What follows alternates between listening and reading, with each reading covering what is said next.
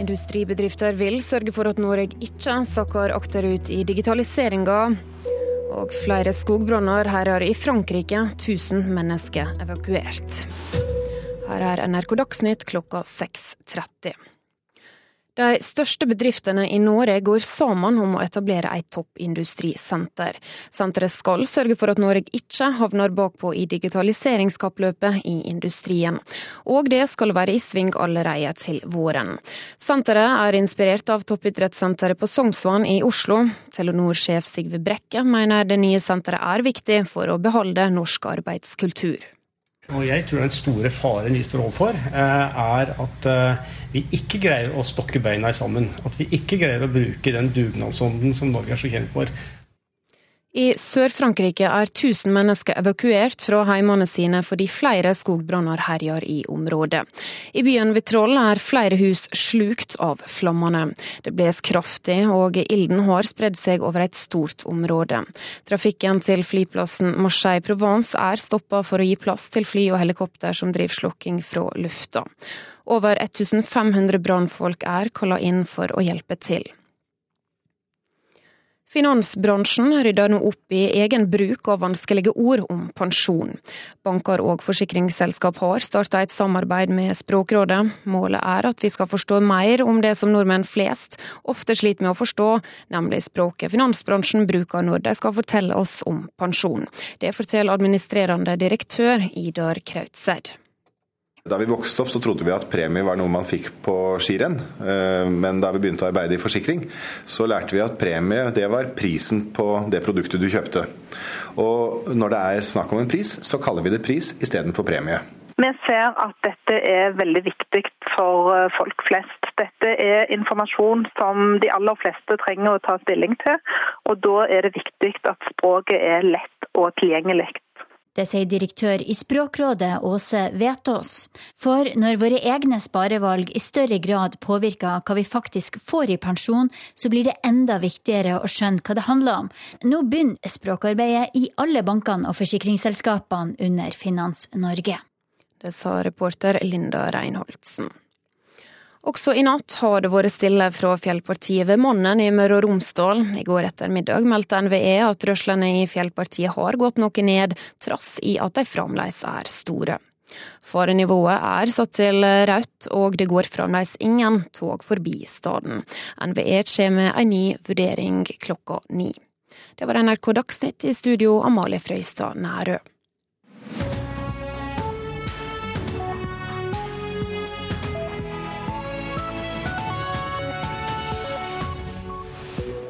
Og her i Nyhetsmorgen får du bl.a. høre om disse sakene. Haukeland sykehus prøver ut en ny type behandling mot sykdommen multiple sklerose. Roerne Olaf Tufte og Kjetil Borch har medaljesjanser i OL i dag. Og du får også høre mer om eh, det nye toppindustrisenteret som ble nevnt i Dagsnytt eh, her i eh, Nyhetsmorgen. I studio i dag, Øystein Heggen. Norges største bedrifter går altså sammen om å etablere et toppindustrisenter. Det skal sørge for at Norge ikke havner bakpå i digitaliseringskappløpet. Og det skal være i sving allerede til våren neste år. Dette toppindustrisenteret er inspirert av Toppidrettssenteret på Sognsvann i Oslo. Noen få utøvere er i gang med dagens første økt på Norges toppidrettssenter på Sognsvann i Oslo. Tidligere toppidrettssjef Jarle Ombø har tatt med norske næringslivstopper inn i det gamle bomberommet hvor det hele startet. Her var altså alpinlandslaget, hettelandslaget og friidrettslandslaget. Eh, da skjønner man at det blir ganske tett. Og Da så det ikke sånn ut. Da var det masse forskjellige treningsapparat. Og når folk trodde de hadde gått feil, når de kom opp, og jeg tok dem med hit og sa det her er treningssalen, da ble det slutt på grov løgn. Telenor-sjef Sigve Brekke NHO-sjef Kristin Skogen Lund, LO-nestleder Hans Christian Gabrielsen og nylig avgått sjef i Kongsberg Gruppen, Walter Kvam, lytter. De vil kopiere suksessen. Det handler om at norsk næringsliv skal henge med i en lynrask digital utvikling, sier Kvam. Og Det er en global trend, og den er ganske voldsom. Og den kommer til å påvirke alt næringsliv. Eh, så utgangspunktet var hva bør og kan vi gjøre her i Norge for å sørge for at eh, aktørene, altså bedriftene i Norge, kanskje spesielt de små og mellomstore, får hjelp, får kompetanse, får eh, erfaringstilførsel som gjør at man klarer å konkurrere i de verdensmesterskapene de er med i. Hvem er det som skal være i det huset? Er det, hvem er det som møtes der?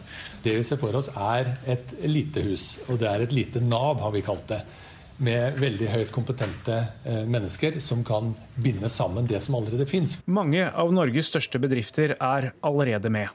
Men hvorfor mener NHO-sjefen at de trenger enda en møteplass? Nå har vi, altså, vi har store organisasjoner som altså Innovasjon Norge, eh, NHO selv. Har vi ikke nok? Eh, nei, vi, er, vi, har ikke, vi, har ikke, nok fordi dette med digitalisering eh, kommer til å påvirke oss i veldig stor grad. Og det er en annen form for endring, for den er, helt, den er grunnleggende. Og den går på tvers av alle bransjer, industrier og verdikjeder. Telenor-sjef Sigve Brekke mener det nye senteret er viktig for å beholde norsk arbeidskultur. Blir det arbeidsplasser av dette her? Ja, Svar på det er definitivt ja, spør du meg. Eh, og jeg tror den store faren vi står overfor, eh, er at eh, vi ikke greier å stokke beina sammen. At vi ikke greier å bruke den dugnadsånden som Norge er så kjent for. Og at mye av den kompetansen her må hentes fra utlandet. Og at det er mange av de internasjonale aktørene som kommer inn med sine forstyrrende businessmodeller og faktisk griper inn i det som tradisjonelt er norsk kompetanse, norske arbeidsplasser. Og LO-nestleder Gabrielsen ber om penger. Det er jo åpenbart at det offentlige også bør være med i en, eh, en sånn eh, type finansiering. Hvor det nye senteret skal ligge, vil ingen svare på nå. Bare at det ikke er så veldig viktig. Når ser man for seg at dette kan være oppe og stå? Første halvår 2017. Såpass kjapt? Ja. Tidligere sjef i Kongsberg Gruppen der, Walter Kvam, reporter Trond Lydersen. Ja, her står LO og NHO sammen om dette senteret, men eh, det er vel ikke sånn at de er enige om alt, Håvard Grønli?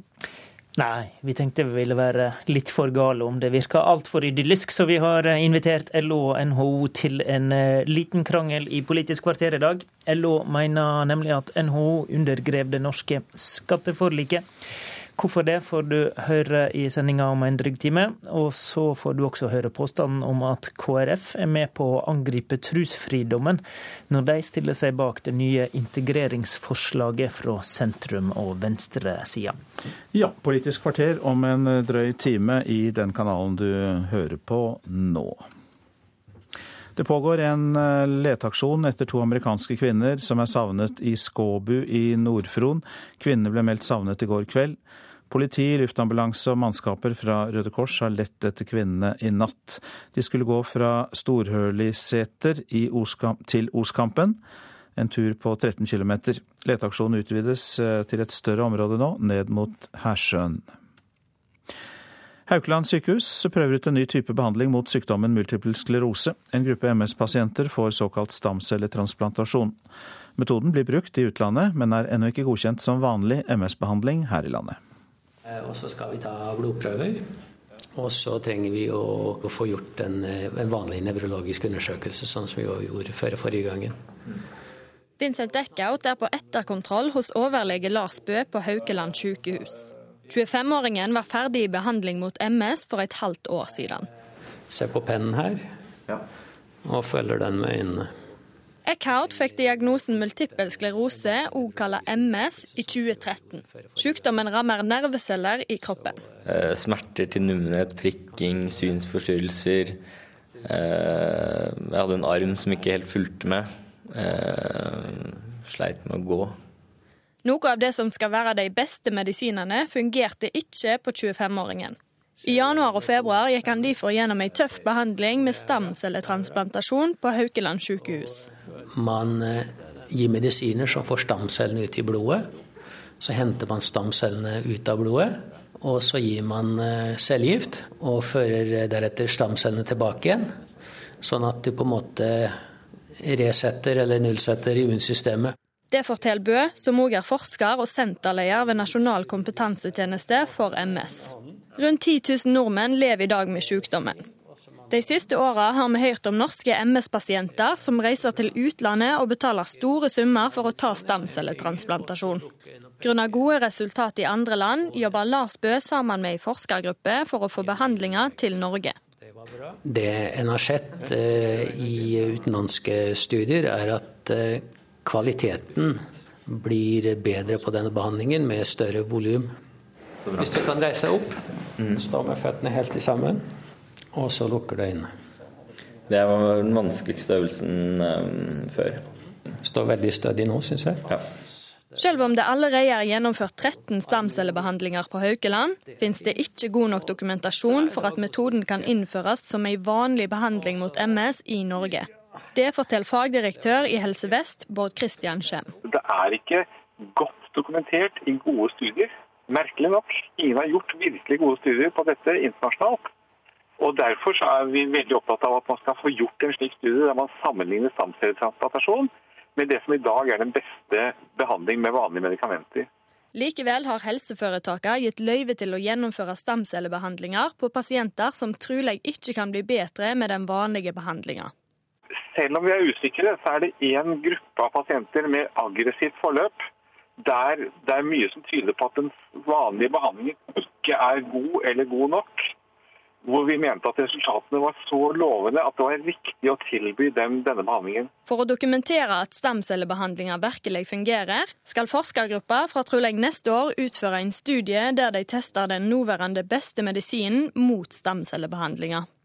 Drømmen vil jo være at dette her viser seg å være så mye bedre behandling som de foreløpige dataene tyder på og at den gode effekten holder seg ikke bare i fem år, som eh, de største studiene har vært til nå, men at de holder seg i 30 år. Om studier viser gode resultat, blir behandlinga innført som en vanlig MS-behandling i Norge. Til nå har den nye stamcellebehandlinga fungert bra for 25 år gamle Eckhout. For min del, så langt, så har sykdommen stoppet eh, helt. Jeg har blitt mye bedre i både armer og bein. Eh, nå sover jeg ikke på ettermiddagene lenger og har stort sett energi til å holde meg gående gjennom hele dagen. Reporter her var Mai Helen Rolfsnes. Så var det avisene. Prisøkningen på sykkelveien mellom Stavanger og Sandnes har økt fra 200 millioner kroner til over 1 milliard, skriver Stavanger Aftenblad. Det betyr at hver meter på denne sykkelstamveien på Jæren koster 100 000 kroner. Nå får nordmenn dårligere råd, er budskapet i VG. Det er prisopp både på mat, klær, reiser, strøm og bensin. Og Bergens Tidende legger til at en gjennomsnittlig lønnstaker vil ha 6000 kroner mindre å rutte med enn for et år siden, dersom prisene fortsetter å stige i samme takt som nå. Rekordår for selskapene som leverer utstyr til oppdrettsnæringen, forteller Dagens Næringsliv. Festen i laksenæringen har bl.a. gitt små norske verft, som leverer oppdrettsbåter og servicefartøyer, usedvanlig gode tider. Putin renser opp i rekkene, er oppslaget i Aftenposten. Russlands president har fjernet flere toppsjefer. Nå går spekulasjonene om hva han vil oppnå med hoderullingen. Mange eksperter knytter det til valget i september, for Putins parti Forent Russland sliter i meningsmålingene selv om Putin selv er svært populær i folket.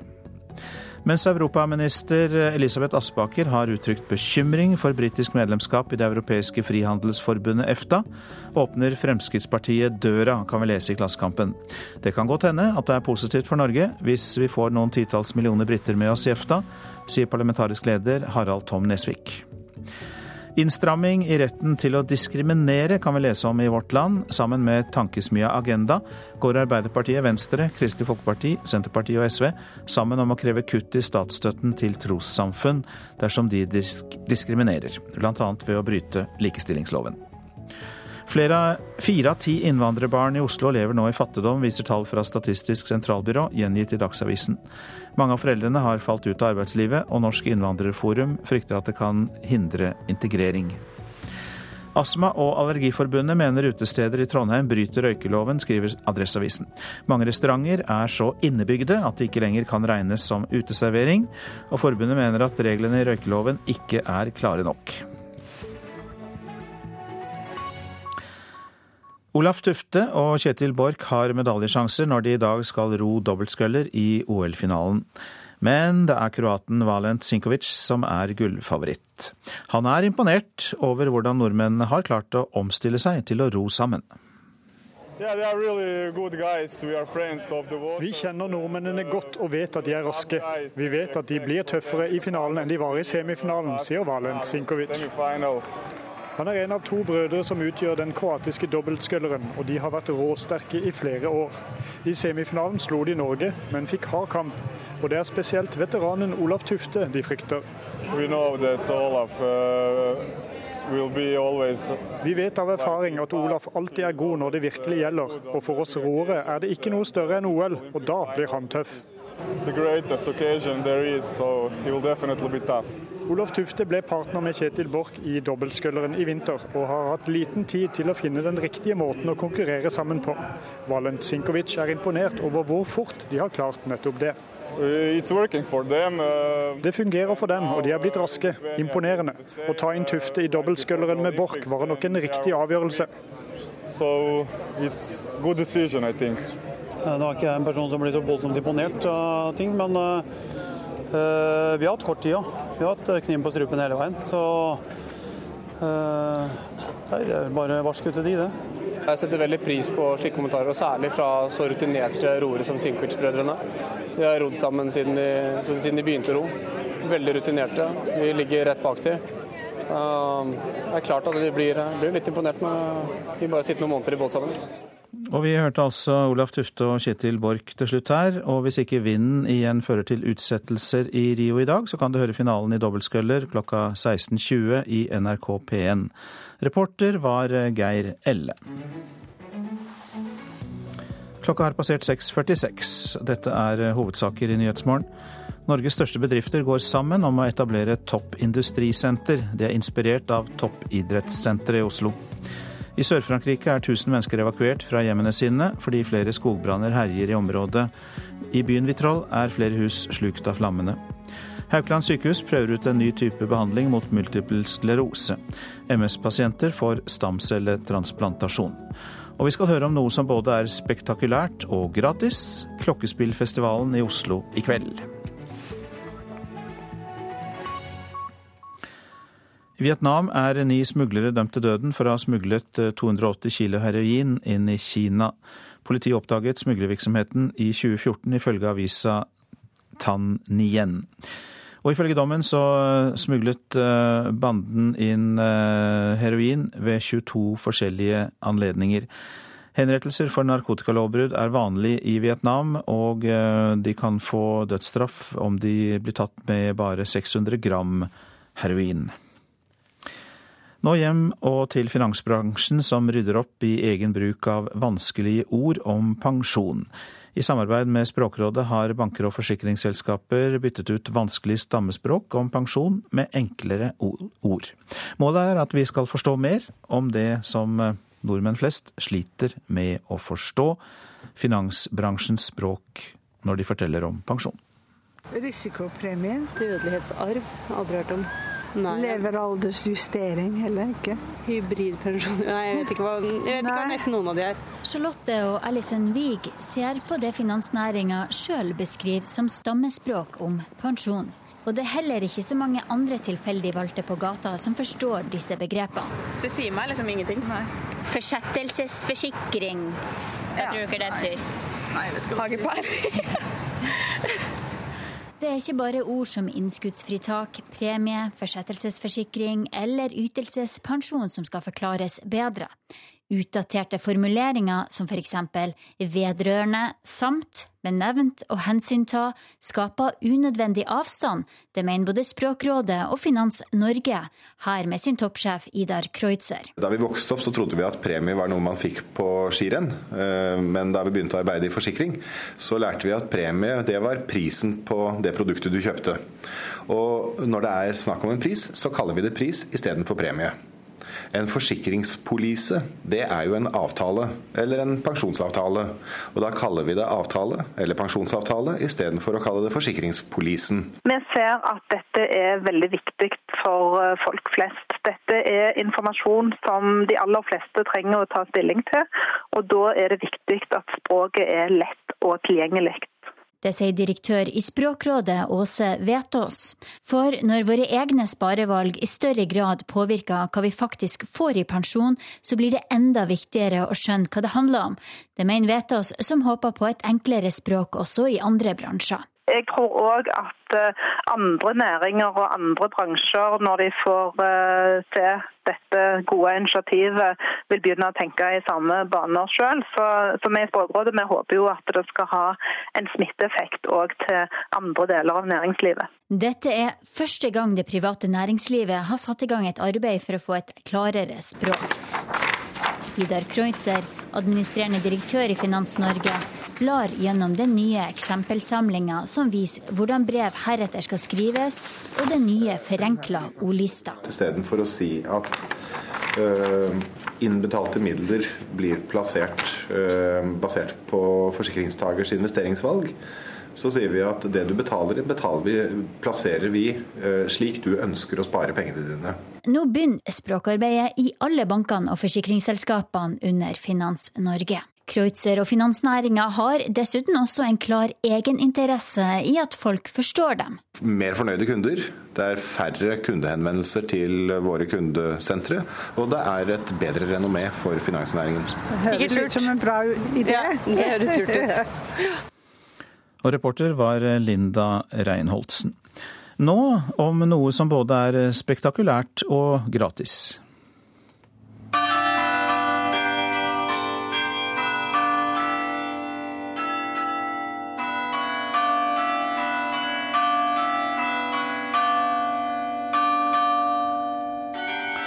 Ja, vi hører rådhusklokkene i Oslo i bakgrunnen her. Velkommen til oss, klokkenist Laura Marie Rueslåtten. Hei. Det rådhuset kaller spektakulært og gratis skjer i kveld. Fortell oss hva som skjer. Ja, det er klokkespillfestivalen vår. Og vi har to utenlandske utøvere fra Frankrike og Danmark. Og så har vi da et nytt konsept som noen av rådhusets ansatte deltar i, fordi vi har nemlig mange musikalske folk på huset. Så fra klokken ni i kveld så skal flere ansatte lage en revykonsert sammen med en operasolist som heter Gunda Marie Bruce. Men eh, hvorfor en klokkespillfestival? Ja, Det er fordi eh, instrumentet har eh, vært spilt sånn i litt over 500 år. Og dette er veldig vanlig der instrumentet kommer fra, Nederland og Belgia. Og så ønsker vi å lage en ny vri på det i Oslo. Og så gjøre litt moro ut av det. Så dette klokkespillet det er ikke bare et signal fra rådhuset ut til folket, det kan også være musikk man kan nyte? Ja, definitivt. Hva slags bakgrunn har man for å bli klokkenist? Bare for å ta, ta deg, da, som sitter ved eller bak klokkene og slår på dem. ja, jeg har spilt musikk hele livet, egentlig. Og så formelt sett så har jeg syv års utdannelse på høyskolenivå. Hva fikk deg til å, å få sånn stor interesse for uh, svære klokker i rådhustårnet? Jeg er helt fascinert av konseptet, fordi det er jo ute. Og alle kan bare komme forbi og høre. Man kan sitte og ta en øl på en kafé og, og høre musikk. Man kan gå forbi og, og, gå i sine egne tanker og få musikk. Og det er veldig likestilt. Det er jo ikke inngangspenger, og det er ikke dørvakter, og det er ikke noe sånn dørene stenges veldig presist. Og ja, det er helt fritt. Man kan bevege seg. Er det vanskelig å slå på de klokkene? Jeg går ut fra at du ikke står med en hammer og slår på hver enkelt av dem? Nei. Uh, det er et klavertur som heter stokklavertur. Og det er store trepinner som jeg slår med nevene. Og så er det enda større sånn tre stykker, da, kan man si, som er pedal. Og det fungerer i praksis som et slagverkinstrument.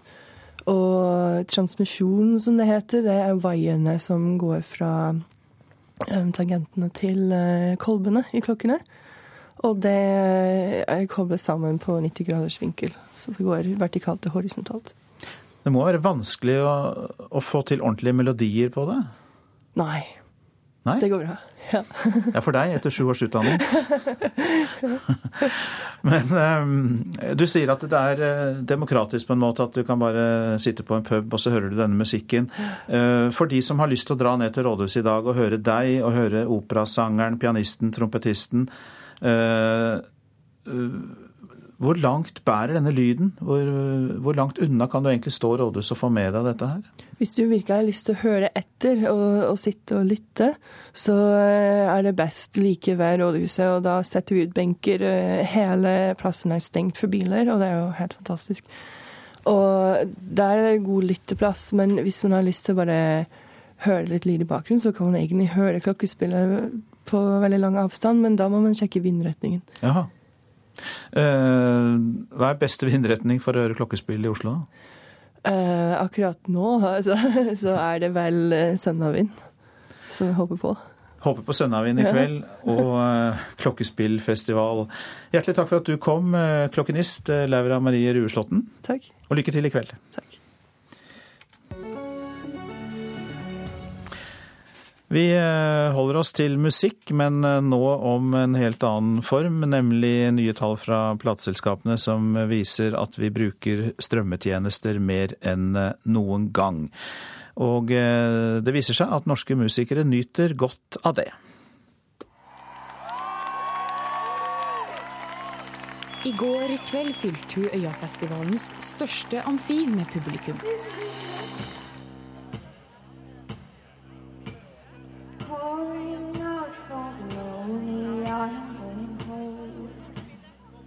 På Spotify har flere millioner hørt Aurora Aksnes. Nye tall fra IFPI viser at nordmenn hører stadig mer musikk gjennom strømmetjenester som Apple Music, Spotify og Tidal. I dag er 25% av musikken nordmenn spiller norsk, dobbelt så mye som for et par år siden, ifølge Foreninga for norske plateselskap. Det aller meste hører vi nettopp gjennom strømmetjenester. For et lite land med fem millioner innbyggere å hevde seg så høyt med lokalt repertoar er veldig bra. Marte Thorsby er direktør i IFPI Norge. Artister som Kygo og Alan Walker er signert utenlandske plateselskap, og er derfor utelatt fra statistikken. Så jeg tror norsk musikkbransje har uh, hatt en omstillingsperiode, og de begynner jo nå virkelig å komme godt inn i den nye streamingverdenen. Og vi ser jo tallene øker jo fortsatt, så vi tror ikke taket er nådd. Jeg tror bare vi kommer til å se enda bedre tall uh, de neste årene. Ja, det er, det er, for det meste Spotify og litt YouTube hvis vi skal ha livemateriale. Blant publikum på Øyafestivalen i Oslo er enkelte strømmetjenester mer populære enn andre. Spotify er jo lettere å velge hvilke sjanger man vil høre på. Og så er det også lister hvor du liksom blir anbefalt ny musikk og sånne ting, så det er mye lettere å finne ny musikk også. Når norsk musikk strømmes bra i Norge og i resten av Norden, så dukker jo de norske artistene eller de som blir strømt opp på playlister, eh, både her, men også internasjonalt. Sier Music Norways direktør Katrine Synnes Finnskog. Hun mener nordmenns strømming av musikk er én av årsakene til at flere norske musikere gjør det bra. Det vekker jo en del interesse. da. Hvem er de bandene, hvor kommer de fra? Og du blir så interessert i å sjekke ut mer fra det samme markedet, fra et lite land som Norge. Eh, vi merker hele tiden at det er en økende interesse og en økende etterspørsel etter ny norsk musikk internasjonalt.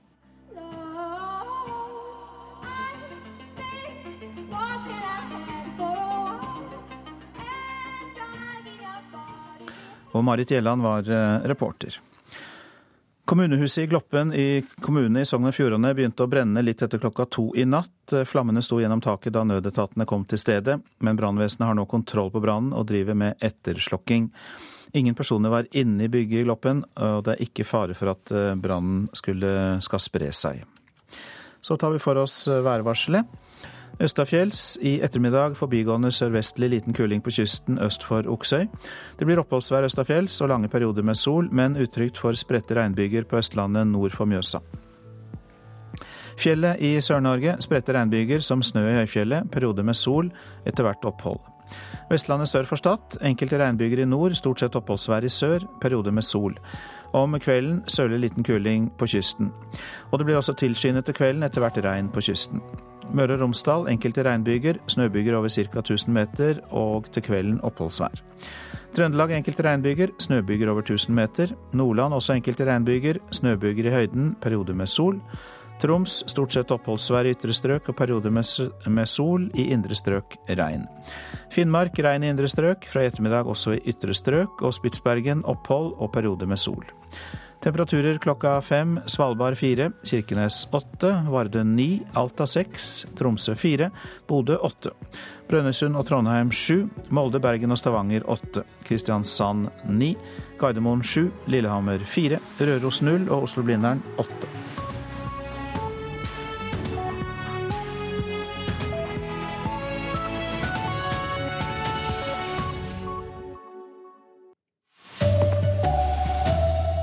Stadig flere får sitt første barn etter fylte 40. Ny behandling mot MS med stamceller på vei til Norge. Her er NRK Dagsnytt klokka sju.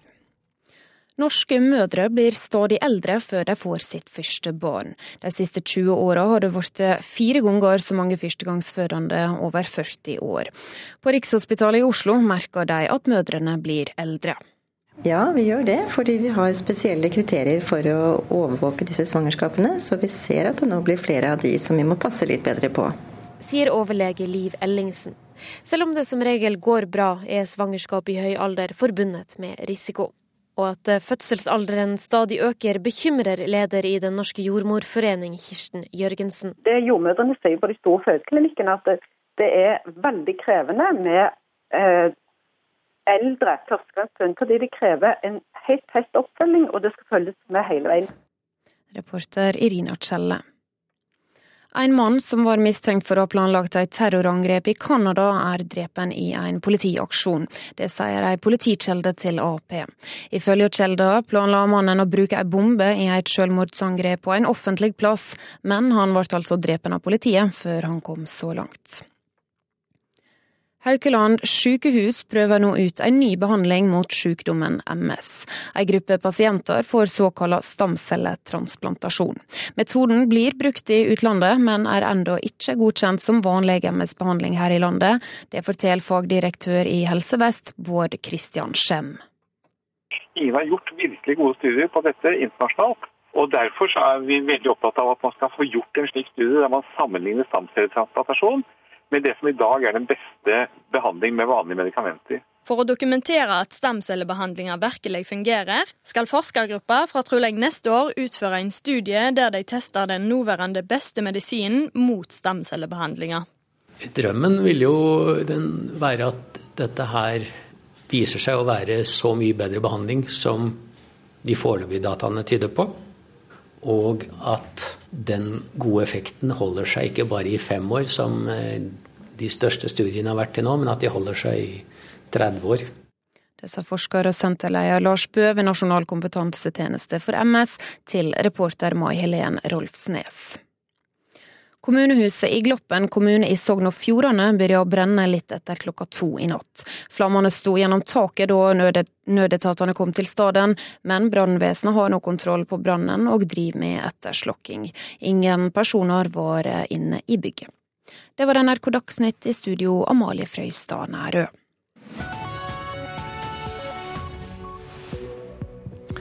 Og her i Nyhetsmorgen eh, skal vi spørre overlege Ingvild Sørby på Oslo universitetssykehus eh, hvilke råd hun har til eh, norske mødre som får sitt første barn etter at de har fylt 40 år, som vi hørte om i Dagsnytt.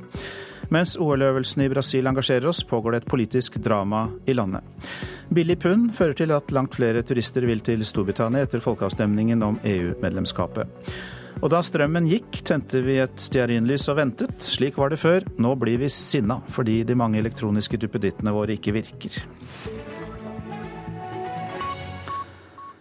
Ja, Vi hørte i Dagsnytt at norske mødre blir stadig eldre før de får sitt første barn. De siste 20 årene har det blitt fire ganger så mange førstegangsfødende over 40 år. Jordmorforeningen mener det er bekymringsfullt. Janne Britt Saltkjell var 42 da hun fikk datteren Filippa. Skal vi ta ut av den? Trenger ikke smukt når du skal spise, sant? Det er tidlig morgen, og Filippa, som snart fyller tre år, sitter på fanget til mamma og spiser yoghurt. Ikke masse. Janne Britt Saltkjell sier det er flere grunner til at hun ble en del av statistikken mødre som får sitt første barn etter fylte 40. Jeg hadde mange aktiviteter og interesser etter studiene og etter at et langvarig forhold var slutt. Og jeg hadde behov for bare frihet og ta igjen det tapte med reising og skal man etter hvert ja, treffe noen som man ønsker å ha barn med. Ja. Mm. Jeg møtte pappa da jeg var 40. Over 2100 kvinner over 40 fikk barn i Norge i fjor. De siste tallene fra Medisinsk fødselsregister viser at det i 2014 var 290 kvinner over 40 som var førstegangsfødende. Det er fire ganger flere enn det var for drøye 20 år siden.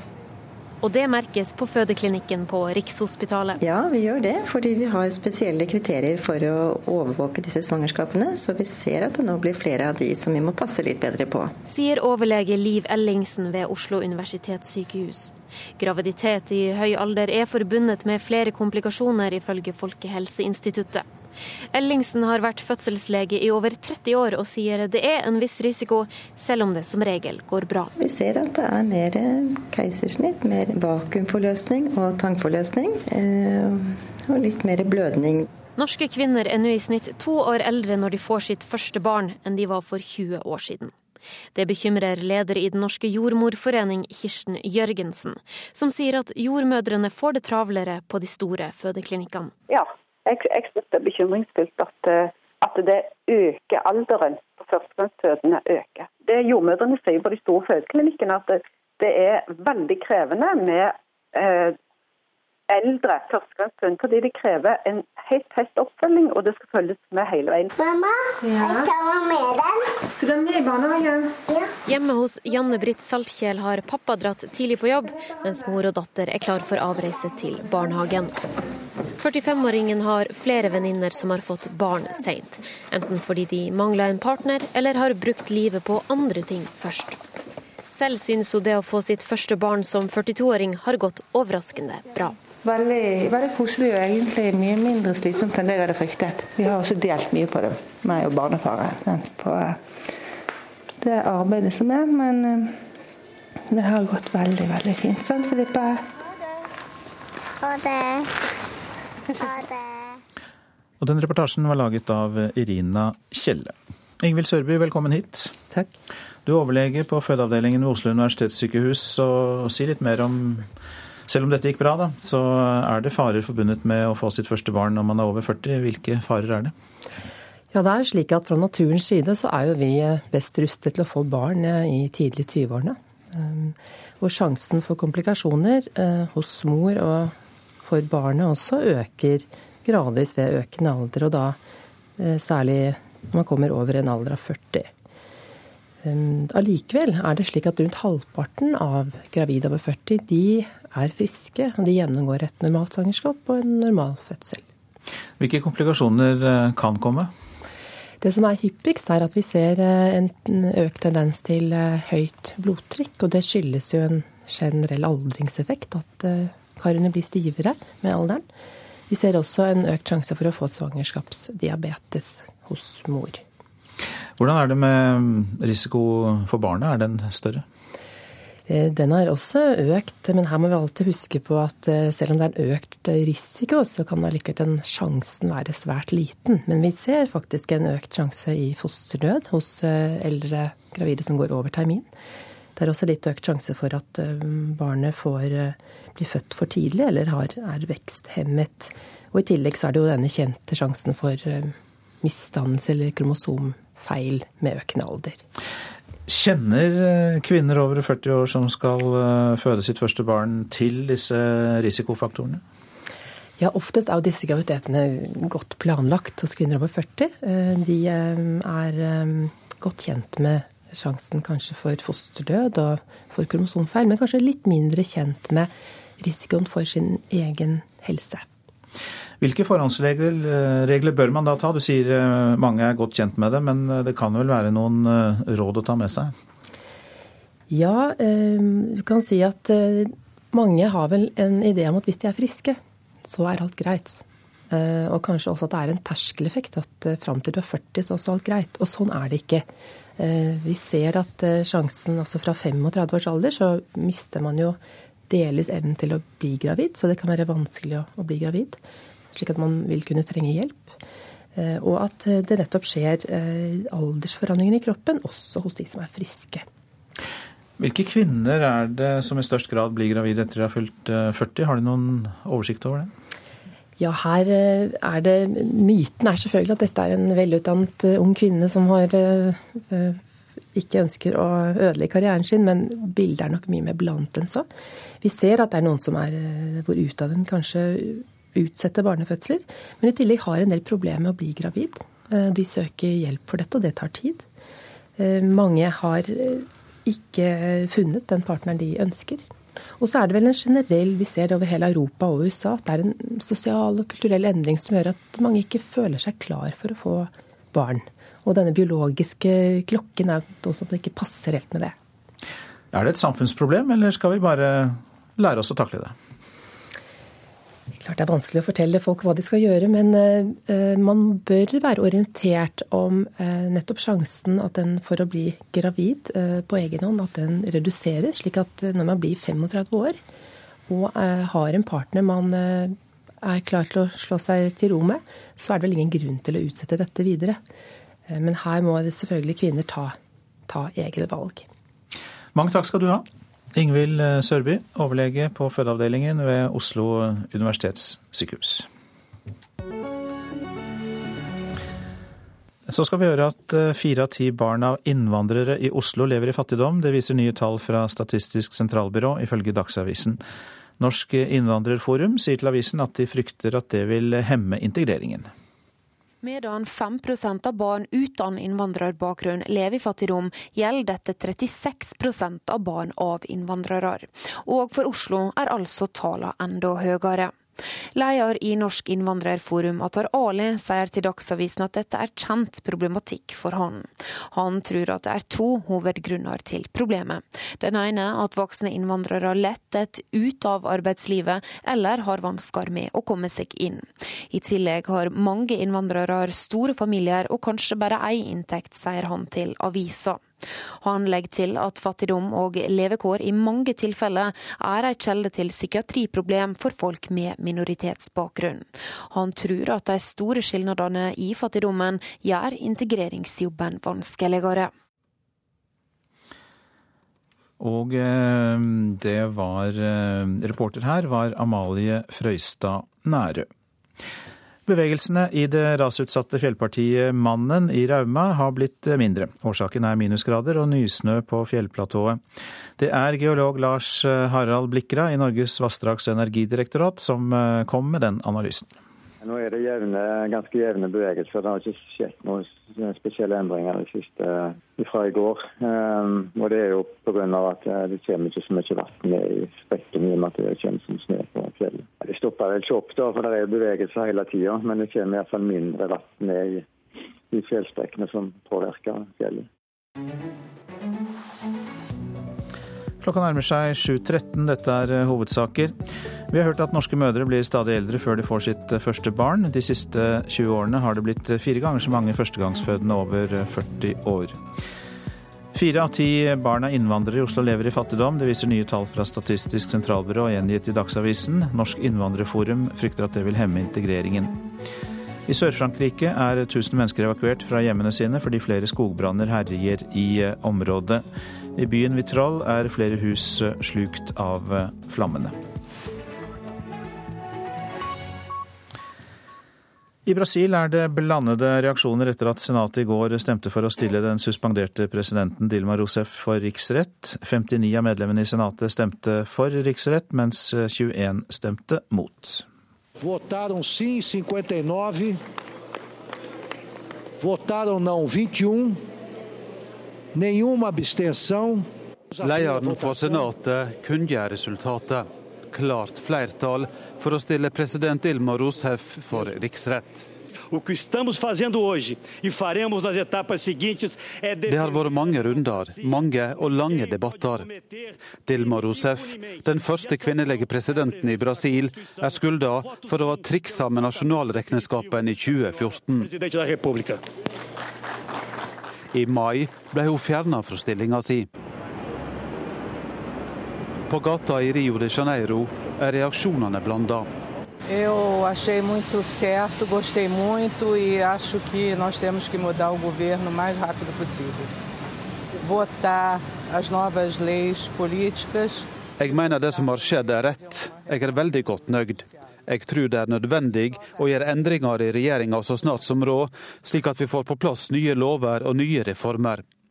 På den måten vil Brasil kunne oppleve vekst igjen, sier denne kvinna, som jobber på reisebyrå i Rio.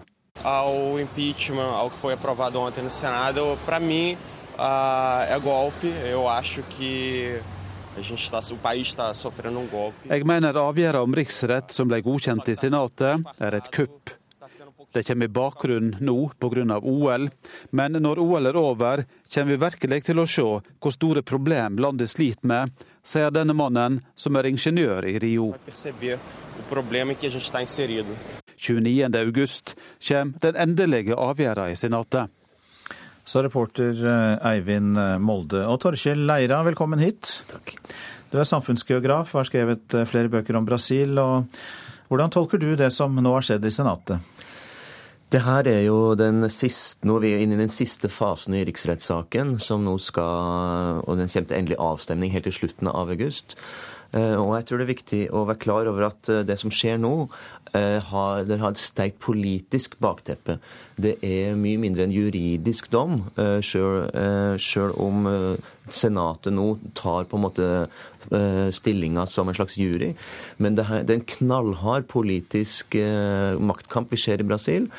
Og resultatet vil sannsynligvis bli da at høyresida kommer tilbake til presidentpalasset etter å ha tapt fire presidentvalg på rad.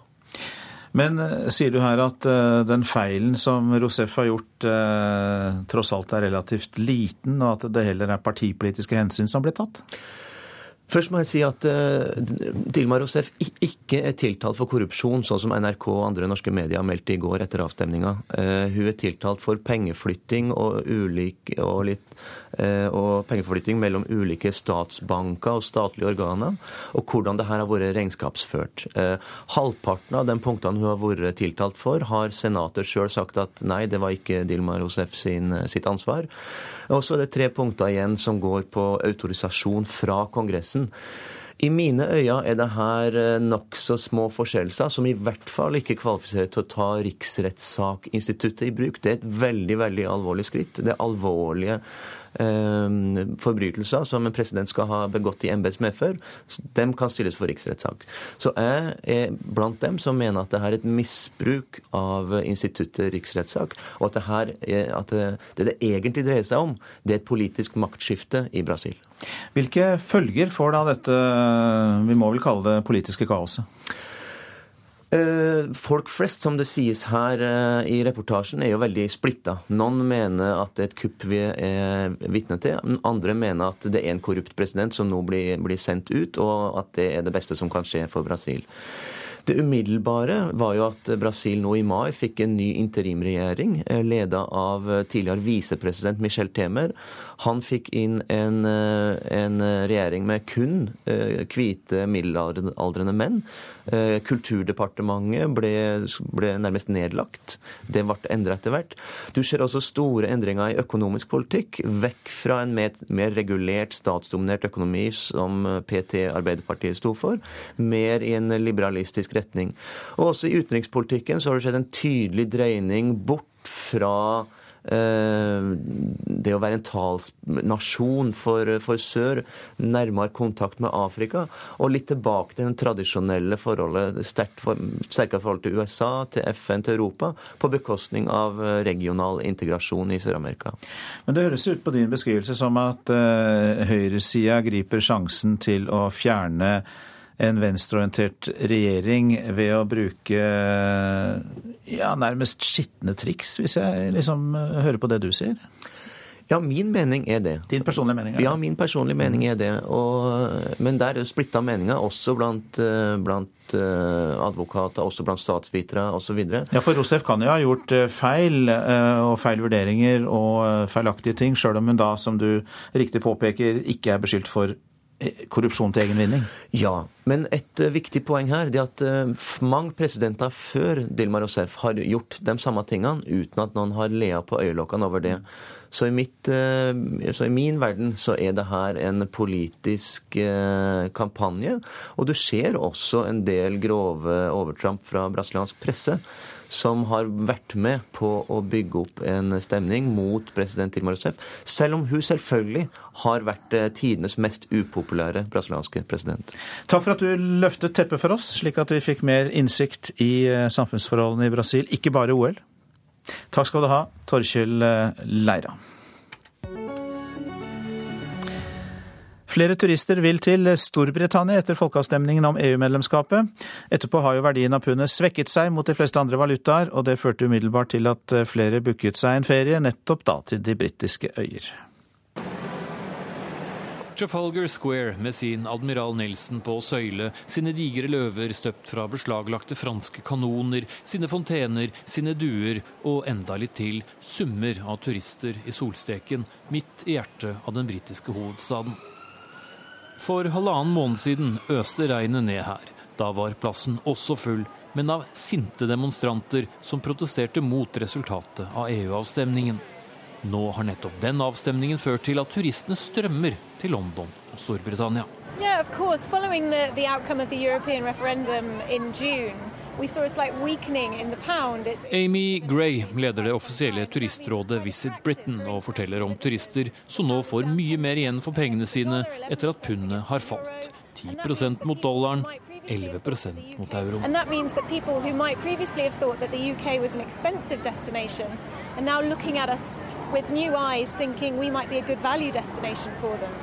The a. Dermed er ikke en London-tur så dyrt som det var f.eks. sist sommer.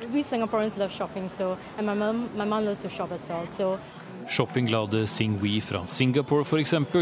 Hun har fått en valutarabatt på 22% på London-ferien og kan unne seg litt ekstra. I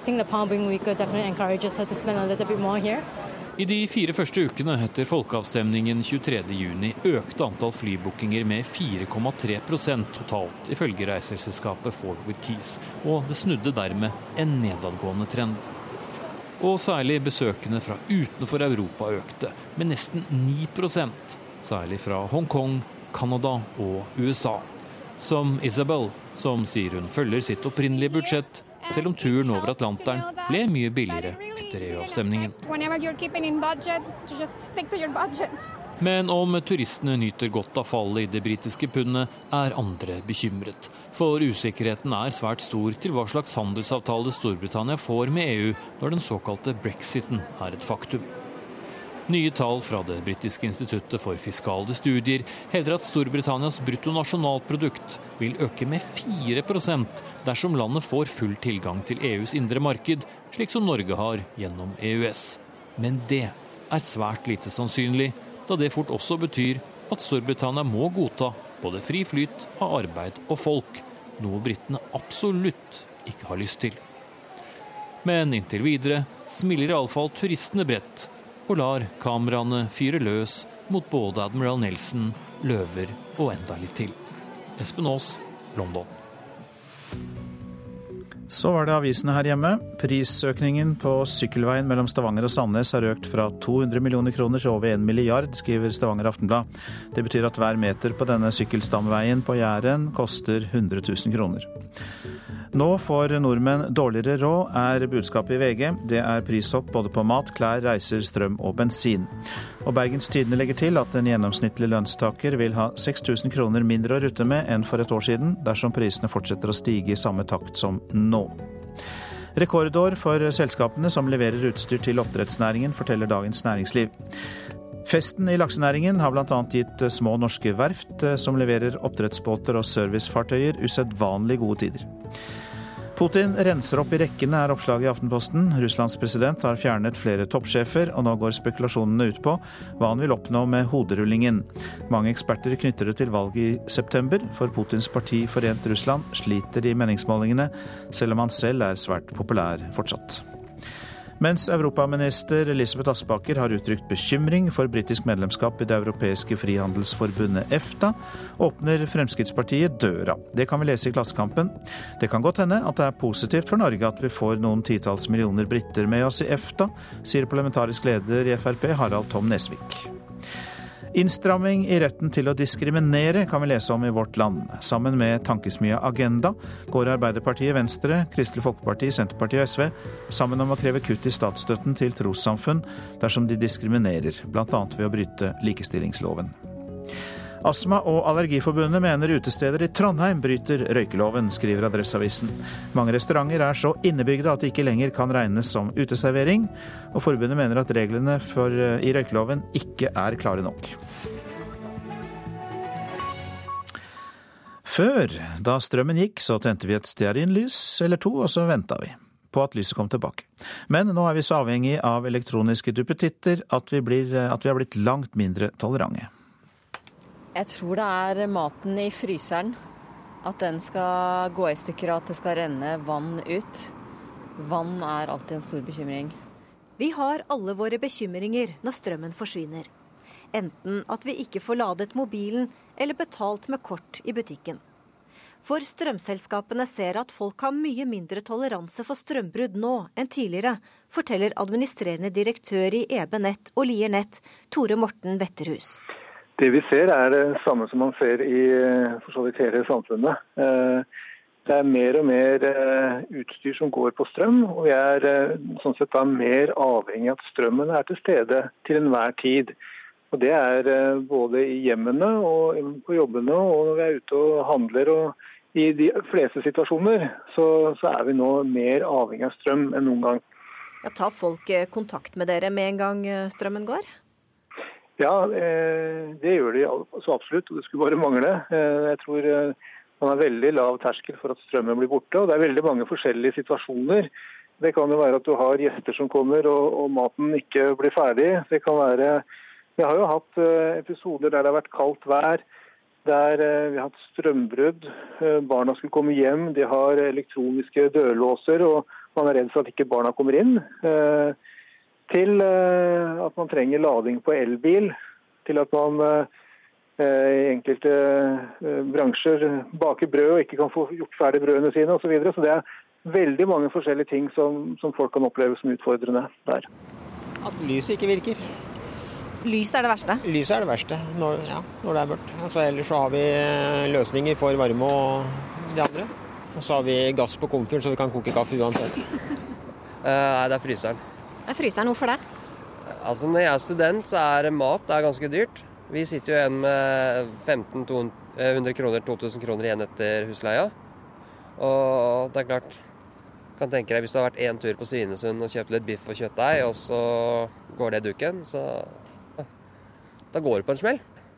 Bare denne uka har flere tusen husstander i landet vært uten strøm etter ekstremvær. Og været er stadig oftere grunnen til strømbrudd. I 2014 hadde forsikringsselskapet Gjensidige rekordstore utbetalinger pga. lyn og torden. De opplever også at frustrasjonen ved strømbrudd er stor, sier kommunikasjonssjef Arne Wold. Ja, det gjør vi. Eh, I dag så er boligene stappfulle med elektronikk. eh, Og selv bil går jo på strøm. Og Sånn var det ikke alltid før. da. Og så er det vel sånn at Vi i Norge vi er kanskje litt godt vant, og så har en nok forventning om at ting skal fungere. Og Når det ikke gjør det, så har vi nok litt lett for å bli kanskje litt frustrert og, og litt fortvilte.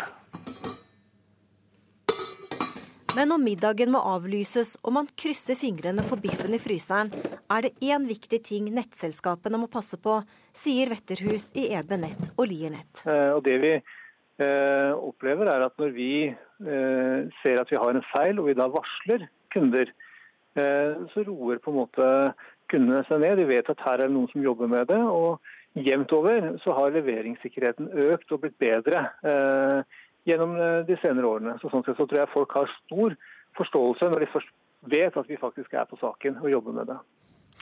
Det sa Tore Morten Wetterhus til reporter Benedikte Fjelly.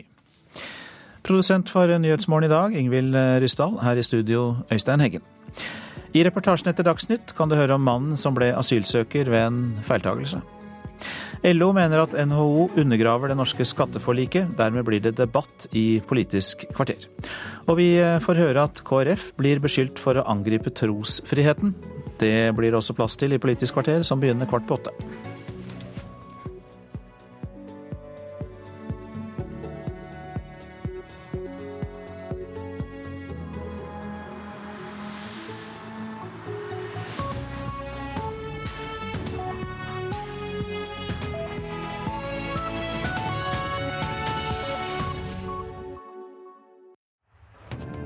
Kulturhuset i dag.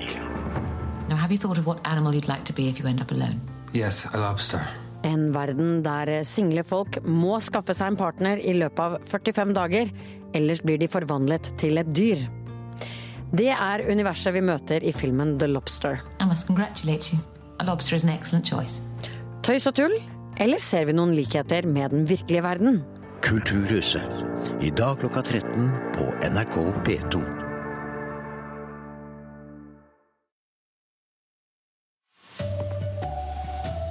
Førstegangsmødre blir stadig eldre. Jordmorforeningen er bekymra.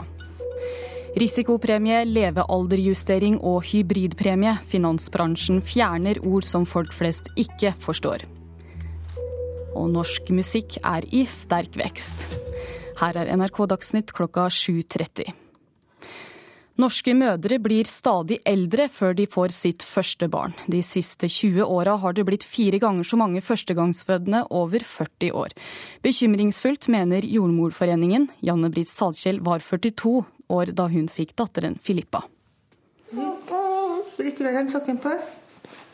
Sånn. Det er bedre. Det er tidlig morgen, og snart tre år gamle Filippa sitter på fanget til mamma på kjøkkenet. Hun må ha nye sokker før hun kan gå i barnehagen. Mamma og Janne Britt Salkjell er en del av en stadig voksende statistikk. Kvinner som får sitt første barn etter fylte 40. Ja, Nå vet jeg ikke hvordan det er å bli mor før man er, før man er 42 år heller, men eh, jeg syns jo at det er, har vært bare en kjempeopptur. De siste 20 årene har det blitt fire ganger så mange førstegangsfødende over 40, viser tall fra Medisinsk fødselsregister. På Rikshospitalet merker de at eh, mammaene blir litt eldre. Ja, vi gjør det, fordi vi har spesielle kriterier for å overvåke disse svangerskapene. Så vi ser at det nå blir flere av de som vi må passe litt bedre på. Sier overlege Liv Ellingsen. Selv om det som regel går bra, er svangerskap i høy alder forbundet med risiko. Og at eh, fødselsalderen stadig øker, bekymrer leder i Den norske jordmorforening, Kirsten Jørgensen. Det Jordmødrene sier på de store fødeklinikkene at det, det er veldig krevende med eldre førstegangsfunn, fordi det krever en helt tett oppfølging, og det skal følges med hele veien. Janne Britt og Filippa er klar for avreise til barnehagen.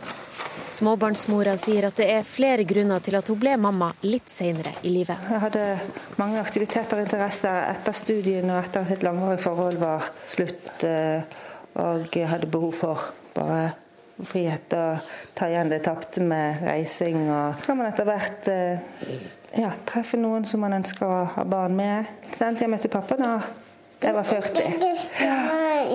Mm. Så kom du to år etterpå. Reporter her var Irina Kjelle. Norges største bedrifter går sammen om å etablere et toppindustrisenter. Senteret skal sørge for at Norge ikke havner bakpå i digitaliseringskappløpet i industrien. Og det skal være i sving allerede til våren. Senteret er inspirert av toppidrettssenteret på Sognsvann i Oslo. Noen få utøvere er i gang med dagens første økt på Norges toppidrettssenter på Sognsvann i Oslo. Tidligere toppidrettssjef Jarle Ombø har tatt med norske næringslivstopper inn i det gamle bomberommet hvor det hele startet. Her var altså alpinlandslaget, hettelandslaget og friidrettslandslaget. Telenor-sjef Sigve Brekke, NHO-sjef Kristin Skogen Lund, LO-nestleder Hans Christian Gabrielsen og nylig avgått sjef i Kongsberg Gruppen, Walter Kvam, lytter. De vil kopiere suksessen. Det handler om at norsk næringsliv skal henge med i en lynrask digital utvikling, sier Kvam. Og Det er en global trend, og den er ganske voldsom. Og den kommer til å påvirke alt næringsliv. Det vi ser for oss er et lite hus, og det er et lite Nav, har vi kalt det. Mange av Norges største bedrifter er allerede med. Men hvorfor mener NHO-sjefen at de trenger enda en møteplass? Vi har ikke nok fordi dette med digitalisering er, kommer til å påvirke oss i veldig stor grad. Og det er en annen form for endring, for den er, helt, den er grunnleggende. Og den går på tvers av alle bransjer, industrier og verdikjeder. Telenor-sjef Sigve Brekke mener det nye senteret er viktig for å beholde norsk arbeidskultur. Og jeg tror den store faren vi står overfor, eh, er at eh, vi ikke greier å stokke beina sammen. At vi ikke greier å bruke den dugnadsånden som Norge er så kjent for. Når ser man for seg at dette kan være oppe og stå? Første halvår 2017. Såpass kjapt? Ja. Og til slutt hørte du tidligere sjef i Kongsberg Gruppen, Walter Kvam. Reporter Trond Lydersen. Finansbransjen rydder nå opp i egen bruk av vanskelige ord om pensjon. Dette er et samarbeid mellom Språkrådet, banker og forsikringsselskap. Målet er at vi skal forstå mer. Risikopremie. Dødelighetsarv. Aldri hørt om. Nei. Leveraldersjustering heller ikke. Hybridpensjon Nei, jeg vet ikke hva, jeg vet ikke hva nesten noen av de er. Charlotte og Alison Wiig ser på det finansnæringa sjøl beskriver som stammespråk om pensjon. Og det er heller ikke så mange andre tilfeldig valgte på gata som forstår disse begrepene. Det sier meg liksom ingenting. Nei. Det er ikke bare ord som innskuddsfritak, premie, forsettelsesforsikring eller ytelsespensjon som skal forklares bedre. Utdaterte formuleringer som f.eks. vedrørende, samt, benevnt og hensynta skaper unødvendig avstand. Det mener både Språkrådet og Finans Norge, her med sin toppsjef Idar Kreutzer. Da vi vokste opp så trodde vi at premie var noe man fikk på skirenn. Eh, men da vi begynte å arbeide i forsikring, så lærte vi at premie det var prisen på det produktet du kjøpte. Og når det er snakk om en pris, så kaller vi det pris istedenfor premie. Vi ser at dette er veldig viktig for eh, folk flest. Dette er informasjon som de aller fleste trenger å ta stilling til, og da er det viktig at språket er lett og tilgjengelig. Det sier direktør i Språkrådet Åse Vetås.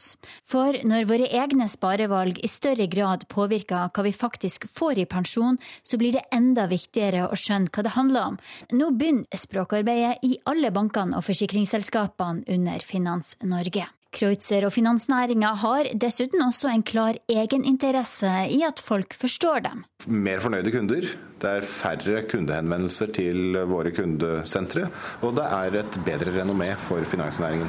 Det høres ut som en bra idé. Ja, det høres lurt ut. Reporter Linda Reinholdsen.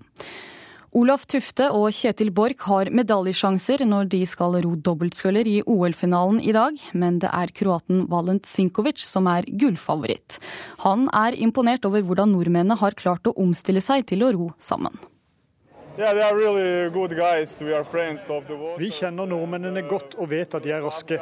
Vi vet at de blir tøffere i finalen enn de var i semifinalen, sier Valent Sinkovic. Han er en av to brødre som utgjør den kroatiske dobbeltsculleren, og de har vært råsterke i flere år. I semifinalen slo de Norge, men fikk hard kamp. Og det er spesielt veteranen Olaf Tufte de frykter. Olaf, uh. Vi vet av erfaring at Olaf alltid er god når det virkelig gjelder, og for oss råere er det ikke noe større enn OL, og da blir han tøff. Olaf Tufte ble partner med Kjetil Borch i dobbeltsculleren i vinter, og har hatt liten tid til å finne den riktige måten å konkurrere sammen på. Valent Sinkovic er imponert over hvor fort de har klart nettopp det. Uh, Jeg setter veldig pris på slike kommentarer, og særlig fra så rutinerte roere som Sinkovic-brødrene.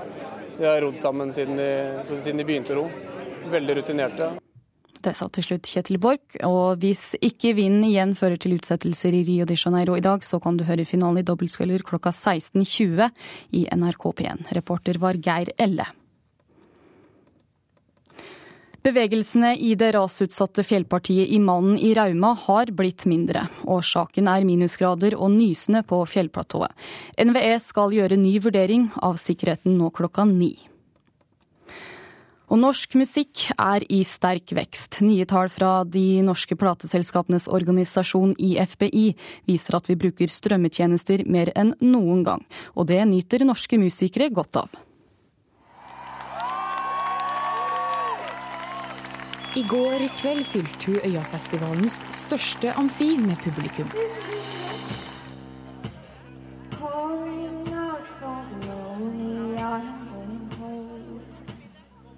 På Spotify har flere millioner hørt Aurora Aksnes.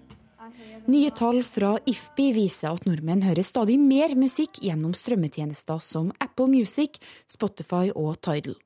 I dag er 25% av musikken nordmenn spiller norsk, dobbelt så mye som for et par år siden, ifølge Foreninga for norske plateselskap. Det aller meste hører vi nettopp gjennom strømmetjenester. For et lite land med fem millioner innbyggere å hevde seg så høyt med lokalt repertoar er veldig bra. Marte Thorsby er direktør i IFPI Norge. Og vi ser jo Tallene øker jo fortsatt, så vi tror ikke taket er nådd. Når norsk musikk strømmes bra i Norge og i resten av Norden, så dukker jo de norske artistene eller de som blir strømt opp på playlister, eh, både her, men også internasjonalt. Sier Music Norways direktør Katrine Synnes Finnskog.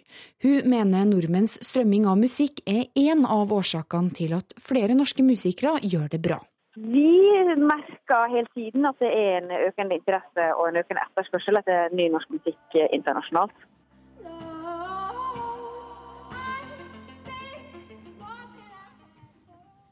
Reporter Marit Gjelland. Ansvarlig for Dagsnytt Silje Katrine Bjarke, og jeg heter Liv Rønne Lillåsen.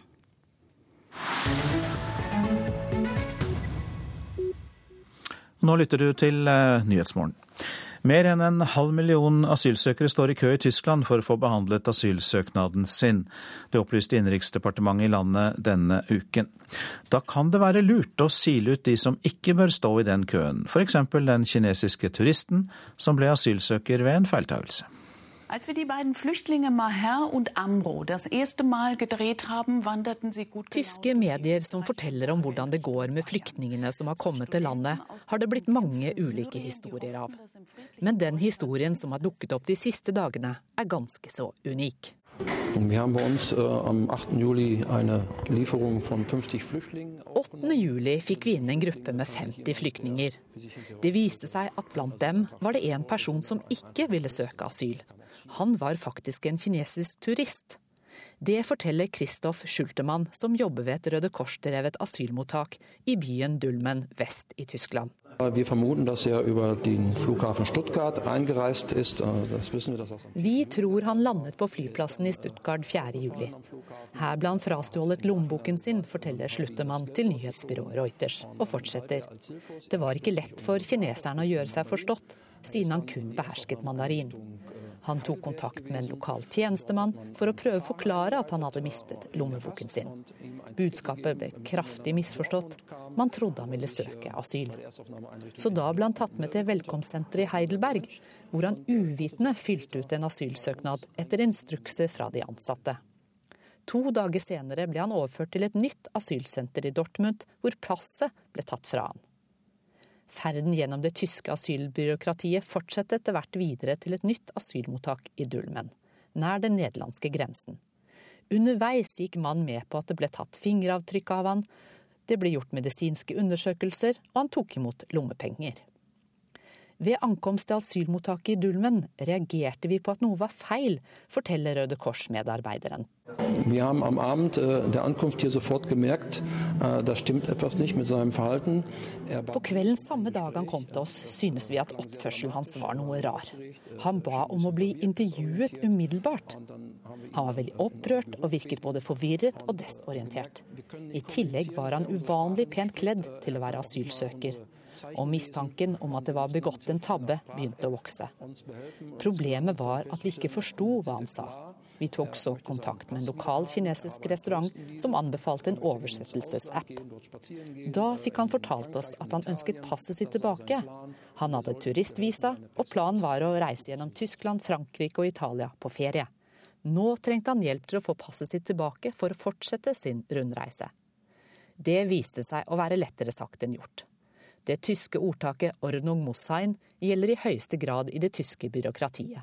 Det vil si at ting skal gjøres skikkelig, og da tar det tid. Imens bodde mannen i seksmannstelt i en stor hall for asylsøkere. Han hadde nok aldri trodd han skulle tilbringe ferien i en køyeseng bak hvite plastvegger sammen med asylsøkere fra Syria og Afghanistan. Var fast Han var hos oss i nærmere tolv dager, forteller Røde Kors-medarbeider Kristoff Sluttemann. Vi prøvde å hjelpe han med å få tilbake passet via konsulater, ambassader og myndigheter. Det tok tid. Til slutt var alt endelig i orden. 20.07 kunne han fortsette til Frankrike, hvor han skulle oppsøke konsulatet der.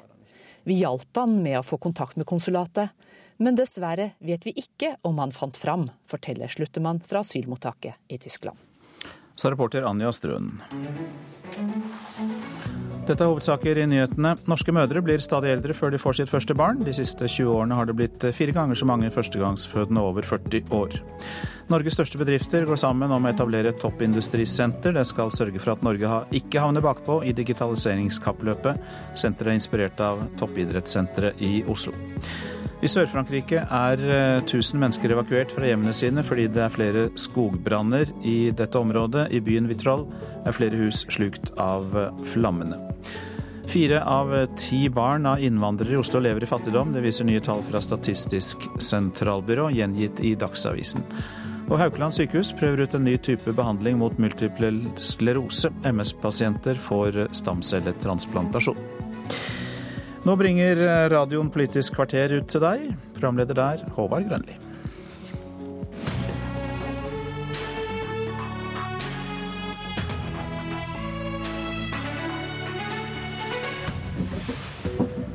Er Kristelig Folkeparti i ferd med å undergrave trosfridommen? Det spør muslimske samfunnsdebattanter. Og driver NHO og undergrev skatteforliket, slik LO hevder? De to spørsmålene skal Politisk kvarter grave i i dag. I regi av tankesmia Agenda la politikere fra sentrum- og venstresidepartiene fram forslag til ny integreringspolitikk i går. Mest fokus fikk forslagene om restriksjoner mot bruk av hijab og nikab. Flere muslimske samfunnsdebattanter har reagert kraftig på det som ble lagt fram. Bushra Isak, du er kjent bl.a. som skribent i Aftenposten. Du skrev i går at opposisjonen nå skyver muslimske kvinner foran seg.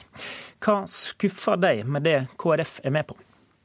Altså Først av alt så har jeg lyst til å understreke at jeg mener at ansiktsplagg eh, ikke er forenlig i et eh, arbeidsliv, og at hodeplagg eh, tilhører, eh, er et selvstendig valg som tilhører eh, et voksenliv, og ikke barn. Eh, det er der teologien står, det er der de fleste muslimer står. Men vårt anliggende er at, er et, at et forbud er svært problematisk. At de, man i et demokrati, i et liberalt rettsstat, har politikere som går inn for å straffe for forfølge enkelte kvinner og eh, pikebarn.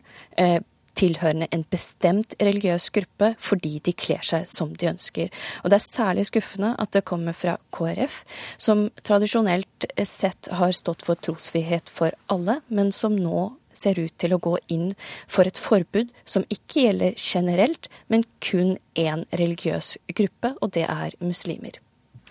Men det er rapporter om at bruken av hijab blant barn øker. Er det helt uproblematisk i et integreringsperspektiv?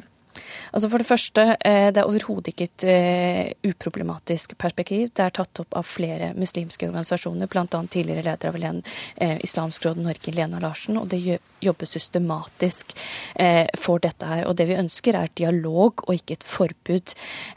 når det gjelder barnehijab, så er det et typisk norsk-somalisk fenomen. Og jeg har selv jobbet med flyktninger. for det første så er syriske flyktninger mye mer liberale. Ansiktsplagg er eh, fraværende. Vi snakker om at svært få bruker hodeplagg. Eh, og når det gjelder eh, barnehijab, så er det et helt ukjent fenomen for arabiske flyktninger. Og det er dette denne konteksten eh, KrF og disse partiene kommer med eh, dette forslaget eh, i et integreringsperspektiv. Og Det er derfor det føles nesten ut som man overdimensjonerer et problem som nærmest ikke eksisterer, fremfor å snakke om reelle integreringspolitikk som eh, bør eh, fokusere på tilgang mm. til arbeidslivet og tilgang til boligmarkedet. Og Det er nesten som man gir et valg mellom å velge en muslimsk identitet og det å være norsk, eh, og sprer egentlig en type frykt knyttet til muslimsk identitet i en tid hvor vi skulle trenge samlende og inkluderende ledere. Okay. Dagrun Eriksen, nestleder i KrF. Ditt parti har jo en historikk på å holde religionsfridommen høyt. Ikke bare for kristne, men for eh, alle. Når du er med på et forslag som skal innskrenke bruk av religiøse klesplagg, innskrenker du da også fridommen til å tro som en vil? Nei, vi gjør ikke det. og La meg bare presisere noen ting. Jeg er veldig glad for at eh, Bushra reagerer så sterkt som hun gjør, for da kan jeg jo få oppklart en del misforståelser i hennes innlegg. For det første, det er meg som eh, privatperson som har sittet i dette utvalget. KrF skal nå ja, ta stilling til disse forslagene. Ja, men KrF skal få behandle disse forslagene. Vi har ikke hatt i partibehandling, bare så det er sagt.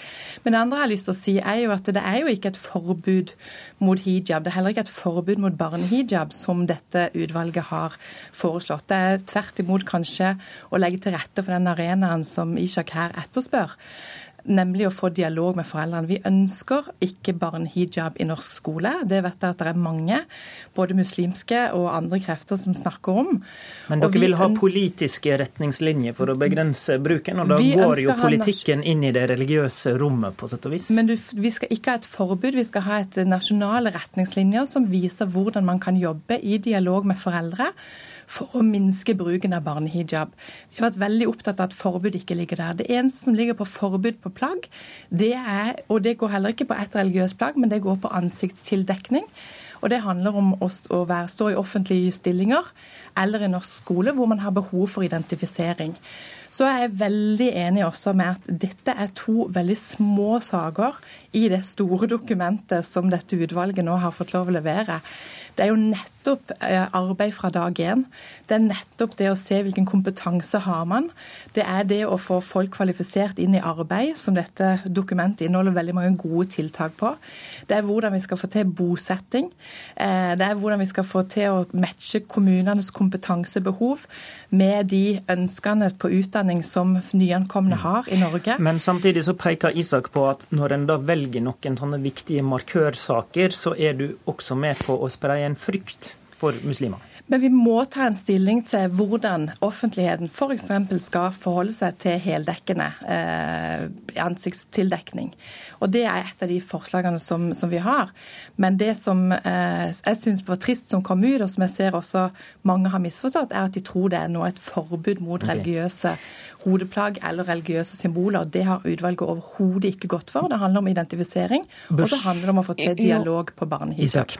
Men, det, det, er jo kommunisert eh, da på en veldig spesiell måte. For det høres altså det, det, man skriver i dette utvalget, er at man systematisk skal motarbeide én spesifikk plagg, og det handler om da muslimske plagg.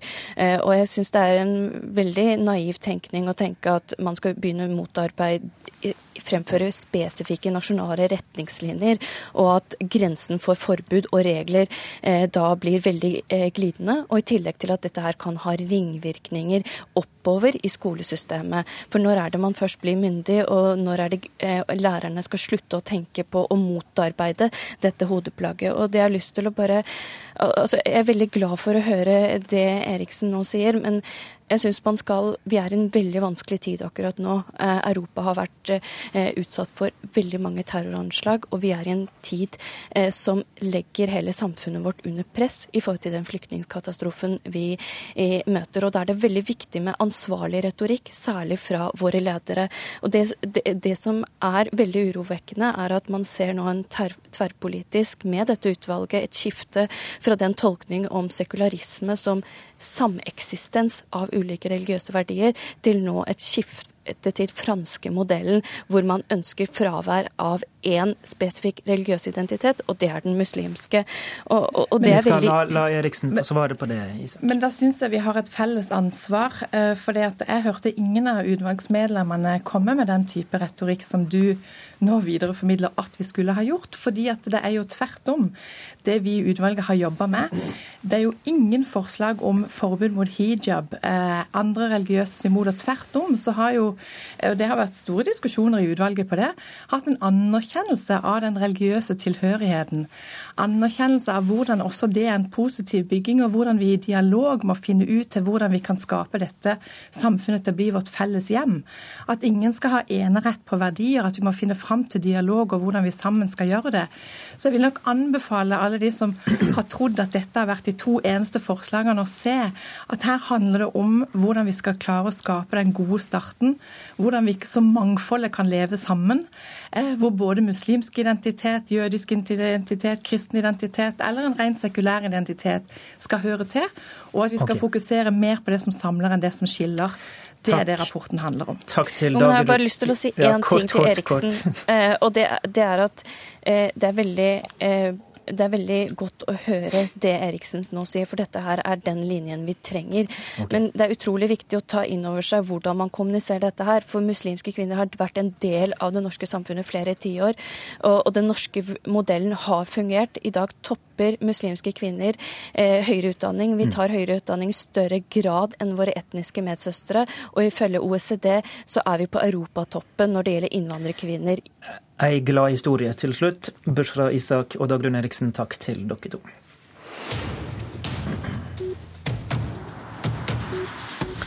I dag tidlig har vi hørt LO og NHO stå sammen om satsing på nytt toppindustrisenter, men vi tenkte det ville være litt for gale om de skulle framstå som enige om alt, så vi har reagert i en liten duell. LO reagerer på at NHO i sommer har undergravet det norske skatteforliket.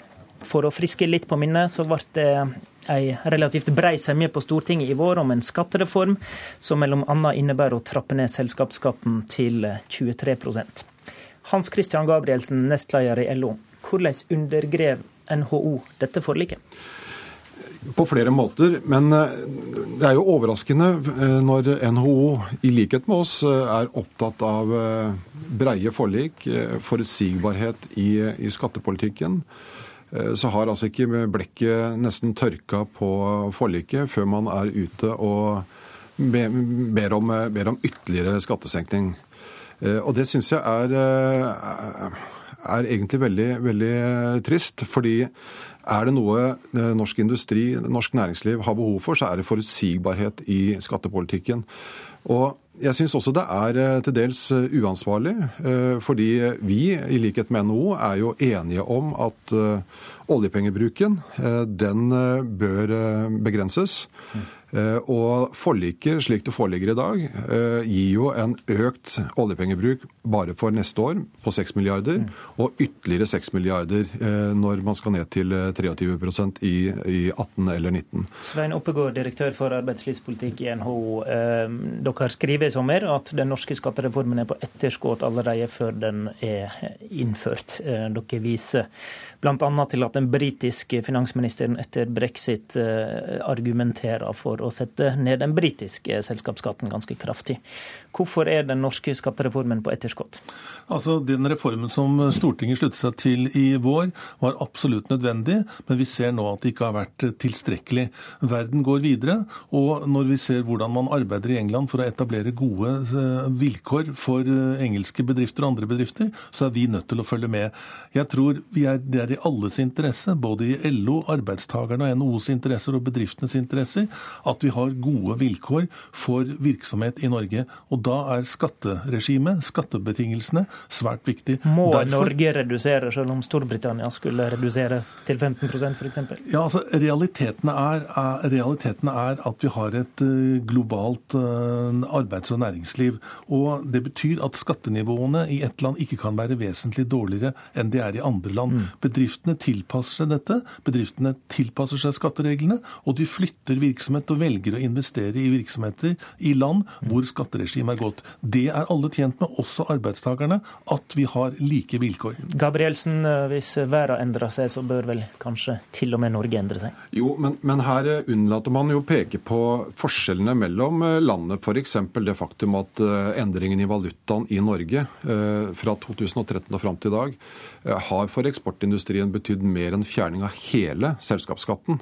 Eh, Og det er jo en veldig kraftig omfordeling fra eh, folk flest til internasjonalt næringsliv. Men skal en eh, basere skattepolitikk på forgjengelige Nei, men, nei, men man, man plukker ut enkelheter. Nå er det selskapsskatten. altså Før dette så har det jo vært eh, et ensidig eh, mas på formuesskatten fra både Høyre og NHO sin side.